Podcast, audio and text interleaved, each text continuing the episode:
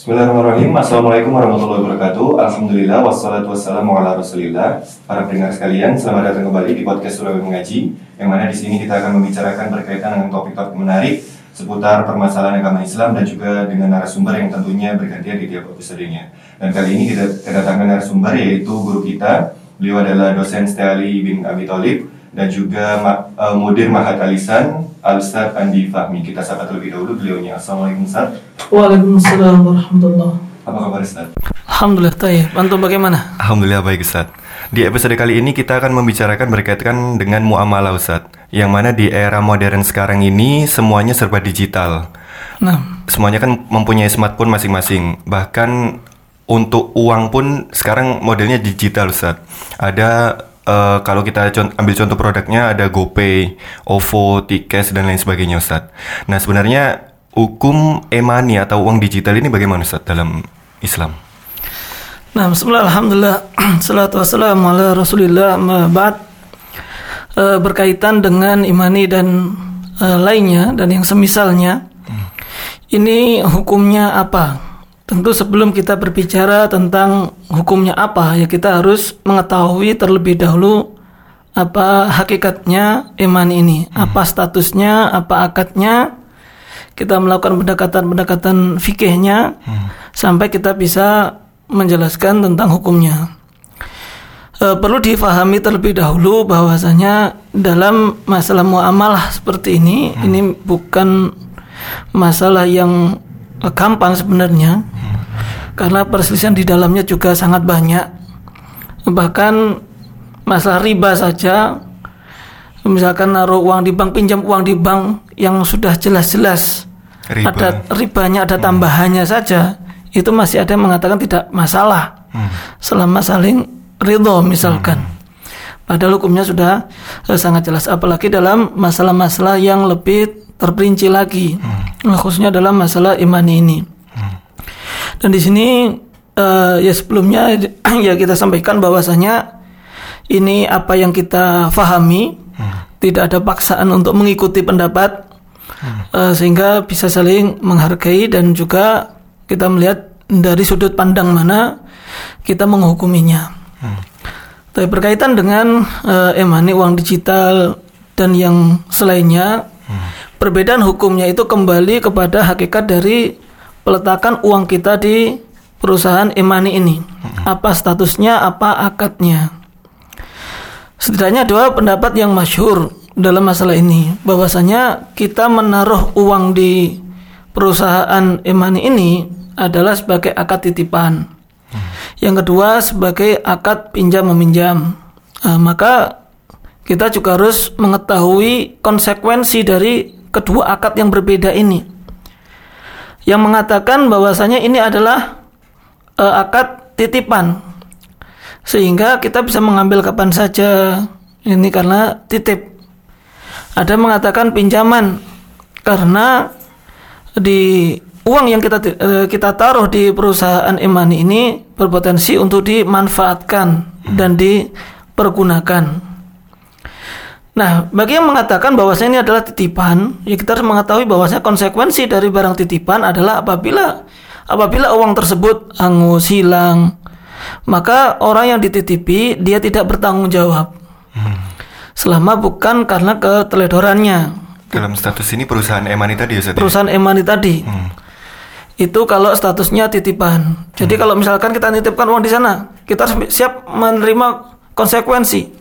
Hilang dan lain sebagainya. Kalau hilang terus kemudian kena hack dan yang lainnya dicuri uang kita, maka kita harus menerima. Oh namanya juga titip karena akadnya adalah amanah, hilang ya sudah.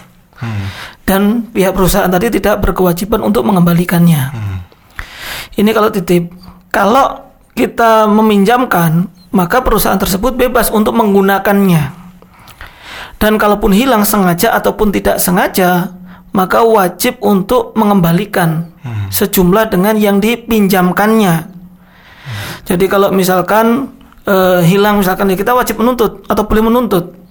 Kalau ikhlas sih nggak masalah ya. Cuma kan biasanya banyak yang nggak ikhlas itu. nggak ridho. Nggak ridho. Nggak ridho. Nah, maka dan kenyataannya kan seperti itu. Eh, Dan pihak perusahaan e-money itu bisa memanfaatkannya. Dan biasanya mereka manfaatkan untuk ditaruh meskipun ini sudah aturan. Tetap setornya ke bank. Diputer BI lagi Ustaz ke ya? BI Hmm. didepositkan ke BI dan itu pasti kena bunga. Eh, meskipun yang memanfaatkan bunganya di situ adalah perusahaan e-money atas nama perusahaan e-money bukan atas nama kita. Hmm. Berarti kalau itu menggunakan atas nama perusahaan e-money menunjukkan bahwasanya uang kita dimanfaatkan. Hmm. Uang kita telah dipinjam. Meskipun kita nggak pernah bilang minjamkan nggak pernah. Tapi kalau kita melihat bahwasanya itu melihat dari hakikatnya, berarti itu lebih dekat adalah kita sedang meminjamkan uang tersebut sebagaimana kita menaruh uang di bank. Hmm. Nggak pernah kita datang ke bank Mbak Mbak teller misalkan atau Mas teller Saya meminjamkan ke bank gitu. saya pinjamkan uang. saya kelebihan uang nih saya pinjamkan ke bank nggak ada meskipun istilahnya nabung Nabung. namun di sini kan yang dilihat bukan tulisan Hakikat ya, hakikatnya ya? Hmm. Nah, jadi hakikatnya itu apa bukan apa yang diucapkan tapi dilihat dari konsekuensi dari kita meletakkan uang tadi itu apa Hmm. oh berarti itu yang lebih mendekati wallahualam itu adalah pinjaman Nah, ketika kita sudah misalkan memahami itu adalah sebuah pinjaman, berarti kita harus memahami konsekuensi lagi. Kalau pinjaman itu dalam sebuah kaidah dikatakan kullu qardin jarra naf'an fahuwa riba. Setiap pinjaman yang ada di dalamnya manfaat maka itu termasuk riba. Riba. Nah, jadi eh, mungkin itu yang lebih mendekati tadi. Hmm. Jadi untuk emani sendiri antara dua akad tadi titipan dan eh, pinjam meminjam lebih dekat ke pinjam meminjam misalnya. Nah, Namun di sini dikatakan bahwasanya hukumnya sendiri apa boleh atau haram Ustaz? ya pada asalnya kita minjamkan orang nggak masalah. Boleh ya, Ustaz, ya? Boleh-boleh saja. Cuman kalau semisal ada unsur riba itu baru diharamkan ya Ustaz ya? Iya. Nah, dari perusahaan emani atau uang digital ini ribanya ini dari mana Ustaz? Ribanya di mana ya sebagaimana ketika kita naruh uang di bank. Hmm. Kita naruh uang bank boleh apa tidak? Boleh-boleh saja. Boleh. Boleh-boleh saja. Yang tidak boleh itu kita ng- mengambil ribanya, mengambil bunganya, atau membuat akad ada ribanya. Itu yang tidak diperbolehkan. Bukan kita naruh banknya. Nah, begitu pula ketika kita menaruh uang di perusahaan e-money tadi. Itu pada asalnya boleh-boleh saja. Karena tadi kita meminjamkan. Yang akan menjadi masalah adalah ketika kita meletakkan uang kita tadi, kita mendapatkan manfaat Manfaatnya. disebabkan karena kita minjami uang tadi atau menaruh uang tadi. Sedangkan manfaat di sini umum apa saja. Manfaat itu bisa dibantu kalau kita secara personal, secara individu, eh, kemudian dikasih hadiah. Maka kalau dalam e-money itu bentuk manfaatnya Cashback biasanya, bisa Ustaz. cashback, Gratis bisa ongkir. free ongkir, Hmm. ataupun apa namanya lainnya. Diskon biasanya Ustaz. Nah, diskon juga. Kadang ada yang di apa namanya toko-toko itu kalau pakai e-money ini dapat potongan 30%. Nah, itu masuk manfaat ya Ustaz ya? Masuk manfaat karena kita harus menaruh uang terlebih dahulu. Dan diskon 30% itu kalau dalam hakikatnya ini riba itu tadi Ustaz ya. Iya itu manfaat dari meminjam uang ya. tadi. Berarti riba tadi. Hmm. Namun kalau semisal kita naruh sekedar naruh aja Ustaz tanpa mengambil manfaat, itu apakah juga eh, dikhawatirkan terjerumus riba ataukah masih dibolehkan Ustaz? Karena kan sekarang ini pengguna-pengguna itu otomatis mau nggak mau juga harus ngambil dapat manfaatnya itu tadi Ustaz. Gimana Ustaz? Nah, yang pertama ya kita ngelihat apa tujuan asalnya untuk menaruh seperti itu. Sebagaimana kita naruh uang di bank, tujuannya untuk apa? Karena kan kita nggak mungkin nyimpan uang di rumah juga. Berarti nyimpan uangnya rata-rata di bank. Nggak mungkin satu miliar di bawah bantal kan? Nggak cukup bantalnya. Nggak cukup benernya. Nah itu kan harus di bank. Ketika menaruh uang di bank, ya kalau bisa cari yang tidak ada bunganya. Hmm. Kalaupun terpaksa yang ada bunganya, tapi bunga itu bukan maksud, bukan tujuan utama. Saya naruh di bank, kalau deposit kan jelas. Iya, Hmm, Ustaz. mendepositkan ber- berarti kan ingin mendapatkan bunga. Digedekan Ada gede-gedekan. Hmm. Tapi kalau bukan itu tujuannya, pada asalnya nggak masalah. Hmm. Namun dia tidak boleh menggunakan manfaatnya tadi. Hmm.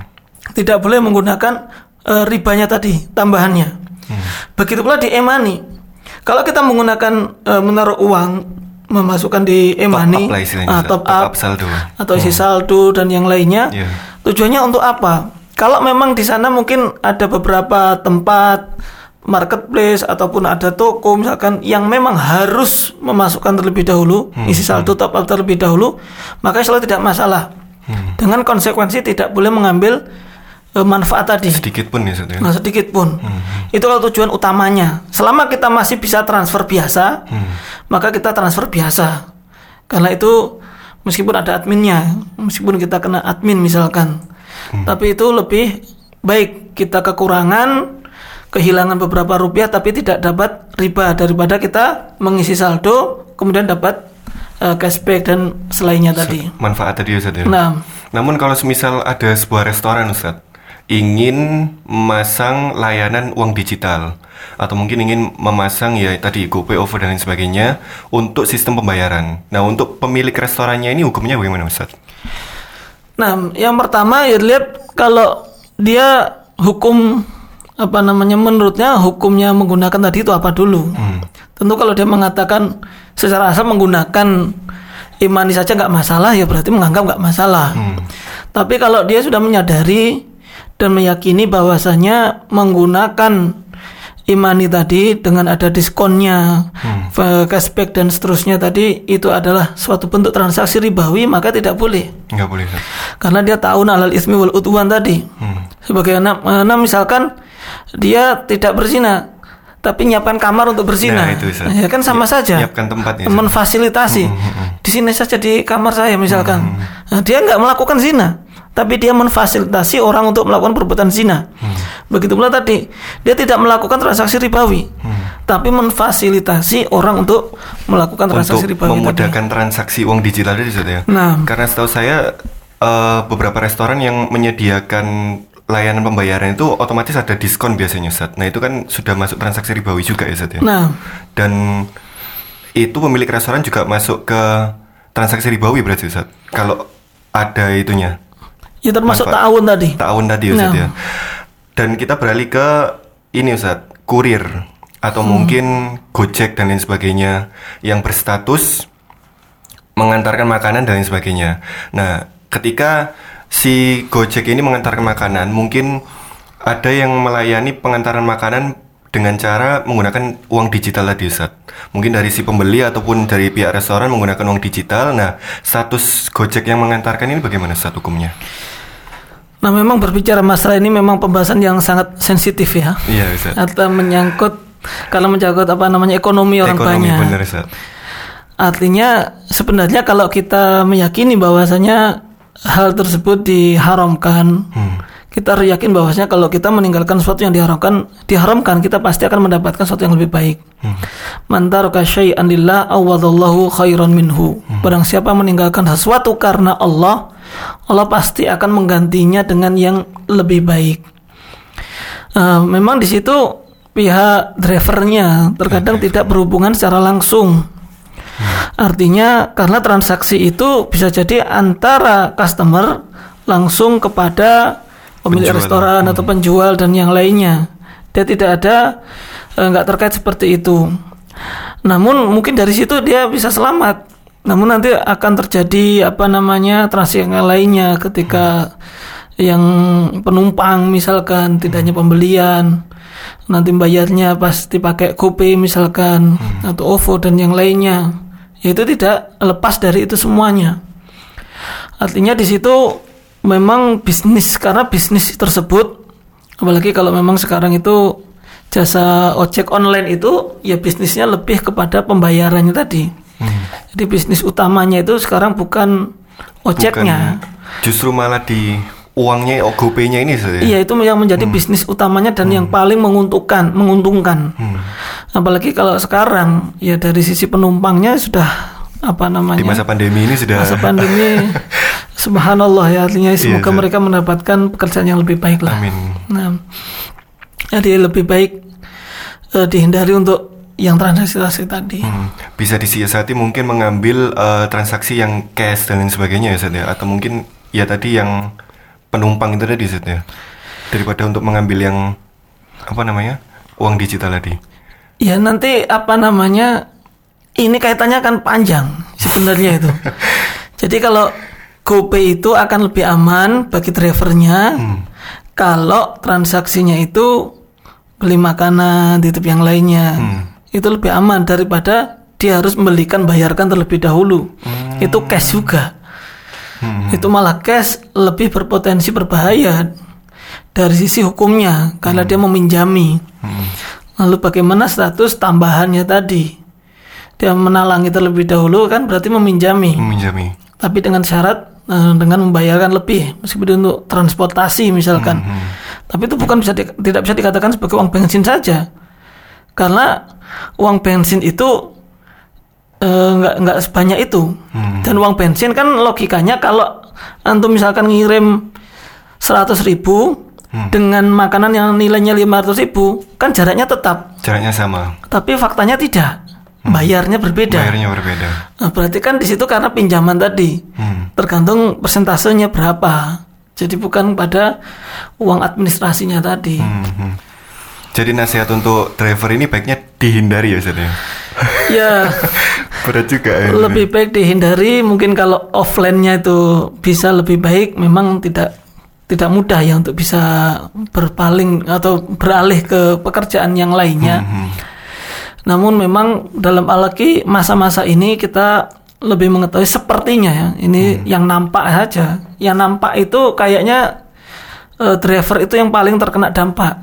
Hmm. Sepertinya padahal di sana lebih banyak lagi yang terkena. Cuma kadang kok kasihan drivernya. Ya Iya. kita kasihan iya. Tapi yang lainnya perlu dikasihani juga lebih banyak lagi. Yang punya perusahaan, yang di PHK, itu kan lebih banyak. Bukan hanya driver saja yang di- dikasihani. Sehingga yang butuh pekerjaan itu bukan driver saja. Artinya ya sesama sama dengan kaum muslimin yang lainnya yang sedang kesusahan mencari pekerjaan yang lebih baik dan eh, halal itu. Hmm. Tapi kalau semisal ada kasus eh, top up antara jarak waktu top up dengan pembelian itu pendek Ustaz. Jadi niatnya cuma top up mungkin masuk mall, top up di pintu mall, kemudian langsung ke toko langsung dibelikan. Jadi eh e-money-nya ini hanya sebagai perantara untuk transaksi itu apakah boleh Ustaz? Ya sebenarnya ke- kembali tadi ketika kita menaruh uang di e-money, apakah itu akan disimpan, akan dijaga untuk kita atau akan bisa dimanfaatkan? Selama uang tadi itu bisa dimanfaatkan oleh perusahaan, meskipun satu detik, meskipun lima detik, itu bisa disahamkan, itu bisa didepositkan atau mungkin bisa disimpan dan dan menghasilkan riba meskipun mungkin cuma 0,1 persen. Nah, Jadi statusnya tetap kita ketika Pinjam- memasukkan minjam ya, itu Ustaz ya? tetap minjami Hmm. dan itu pasti akan berputar juga di sana gitu loh. Meskipun jangka waktunya satu detik gitu ya Ustaz. ya? Iya, apalagi kalau kita naruhnya tujuannya biar mendapatkan manfaat tadi. Ah itu malah Nah. jelas niatnya sudah dapat riba gitu. Iya, nggak ada alasan lain kecuali mendapatkan dapat cashback, Cashback Nah, top up pengen dapat cashback, Nah. pengen dapat gratis ongkir itu malah bahaya ya Ustaz ya. Iya itu malah karena tujuan utamanya jelas ribanya. Jelas riba ya Ustaz ya. Nah. Nah, untuk e-money sendiri ini kan tadi ada kaitannya dengan bank Ustaz. Mirip-mirip. Tapi kalau semisal untuk pulsa dan juga token ini apakah sama Ustaz transaksinya? Nah, untuk pulsa, kenapa tadi itu terdapat riba di dalam e-money tadi? Hmm. Karena e-money ini statusnya seperti mata uang. Hmm. Artinya dengan uang kita yang tersimpan di kartu tersebut, entah itu yang etol pun juga sebenarnya e-money juga. Hmm. Karena bisa di, sebagian di- bisa dibeli digunakan untuk beli di supermarket. Hmm. Itu kan statusnya uang kita, uang Hmm. yang bisa kita gunakan. Nah, itulah yang eh, kenapa tadi menjadikan itu ada ribanya. Hmm. Lalu bagaimana dengan pulsa? Nah, pulsa itu bukan alat pembayaran. Hmm. Meskipun kita menyebutnya nilainya 50.000 ribu, nilainya 100.000 100.000, ribu. hmm. Tapi nggak ada kita ke toko, ini saya punya pulsa, Hmm, 50.000 ribu saya bayar ya pakai pulsa nggak bisa. Nggak bisa. Ya meskipun kalau barter itu dianggap sebagai barang iya. Hmm, hmm, hmm. Ya sudahlah daripada nggak ada uang dikirim pulsa saja nggak apa-apa. Nah, itu kan tapi bukan sebagai barang eh, sebagai alat pembayaran, tapi itu sudah menjadi barang sebagai produk. Pulsanya ini produk ini Ustaz Sudah ya? sebagai produk. Statusnya. Hmm. Jadi sudah bukan alat eh, mata uang lagi. Hmm. Sehingga kalau kita beli eh, pulsa 5.000 bayarnya 6.000. Hmm. Di sini ada selisih. Tapi tidak ada riba. Karena yang 5000 yang kita beli tadi masuk ke HP kita, nomor kita, itu bukan uang, bukan mata uang. Produk ya Sudah ya? produknya, Produk barangnya. berupa pulsa ya ya? Nah. Jadi seribu itu masuk ke sini ya sah-sah saja keuntungan ya Ustaz ya? Keuntungan. Maksudnya. Nah, Kalau token itu sama seperti hal tersebut atau ya sama. sama ya ya? Token juga sama. Jadi tokennya itu bukan masuk uang lagi tapi ya produk listrik tadi ya Produk ya? listriknya tadi. Jadi memang beda ya Ustaz ya? Ya beda, kan nggak ada tadi beli pakai token kan nggak bisa. iya, kalau yang EMA ini kan uang dengan uang ya Ustaz ya? Uang dengan Naruh uang. situ tetap berupa uang gitu ya Ustaz ya? Itu Nah. yang masuk ke akad pinjam meminjam tadi ya Ustaz ya? Nah, Taib. Jazakallah khairan Ustaz atas Waalaikum. beberapa nasihatnya. Para pendengar sekalian, semoga podcast ini bermanfaat dan terutama untuk eh oh terakhir Ustaz, nasihat-nasihat yang masih menggunakan Eman ini sebaiknya bagaimana Ustaz? nah memang kita sedang hidup di zaman digital ya. Iya, Ustaz. Apalagi pandemi ini bahkan disarankan untuk pembayaran tidak saja. cash. Heeh. Kalaupun ketemu pun nggak usah pakai uang karena Iya, Ustaz. dikhawatirkan. Sehingga harus transfer pakai e-money dan yang lainnya. Hmm. Artinya kalaupun menggunakan fasilitas ini, e-money dan yang lainnya, ya kita menghindari transaksi-transaksi yang terdapat riba di dalamnya. Hmm. Dan kita memang harus eh, hati-hati, lebih baik kita kehilangan beberapa ribu untuk admin Hmm. daripada kita mendapatkan beberapa ribu akan tapi itu riba. Statusnya riba. Nah, jadi kita harus pandai-pandai eh, bertanya atau menimbang atau mengetahui hakikatnya itu eh, seperti apa. Ya meskipun hukum asalnya sekali lagi boleh-boleh saja. Hmm, hmm. Tapi kita mendapatkan manfaat itu yang menjadi tidak boleh. Mungkin bisa dikasih satu Ustaz, anca, at- ancaman atau dosa riba ini apa Ustaz? Biar tadi kan kita bicara banyak riba Ustaz. Nah, Supaya kita bisa menghindarinya. kalau dosa riba di Al-Baqarah saja dalam satu lembar mulai Al-Baqarah 275, 276 sampai 280 itu menceritakan tentang hukuman orang-orang yang makan riba. Makan riba. Mulai dari gila atau kesurupan masuk ke dalam api neraka, hartanya akan dibinasakan oleh Allah Subhanahu wa taala. Menantang perang juga itu? Menantang perang uh, Allah dan Rasulnya. Dan juga dalam hadis J- Jabir, lakna Rasulullah sallallahu alaihi wasallam akilar riba wa mukilahu wa katibahu wa syahidahi wa qalahum sawa. Rasulullah sallallahu alaihi wasallam melaknat orang yang makan harta riba, orang yang bayar atau nasabahnya tadi. Begitu pula dengan pencatatnya, sekretarisnya, dan kedua saksinya. Hum sawa, mereka semuanya sama, sama-sama menanggung dosa. Makanya tadi yang menanggung dosa itu bukan sekedar yang makan riba memanfaatkan saja, tapi yang membayar dalam tanda kutip korbannya tadi, hmm, dia pun tetap mendapatkan laknat dari Rasulullah Sallallahu Alaihi Wasallam. Apalagi yang menyediakan fasilitas tadi, Nah, berarti dia menyetujuinya dan menjadi saksi. Berarti dia Pencatat, juga hmm. mendapatkan laknat dari Rasulullah Sallallahu Alaihi Wasallam. Hmm, Tapi Ustaz, jazakallah khairan Ustaz atas nasihatnya. Insya Allah kita tetap stay tune. Insya Allah kita akan berjumpa di podcast-podcast berikutnya. Semoga bermanfaat kepada para pendengar sekalian.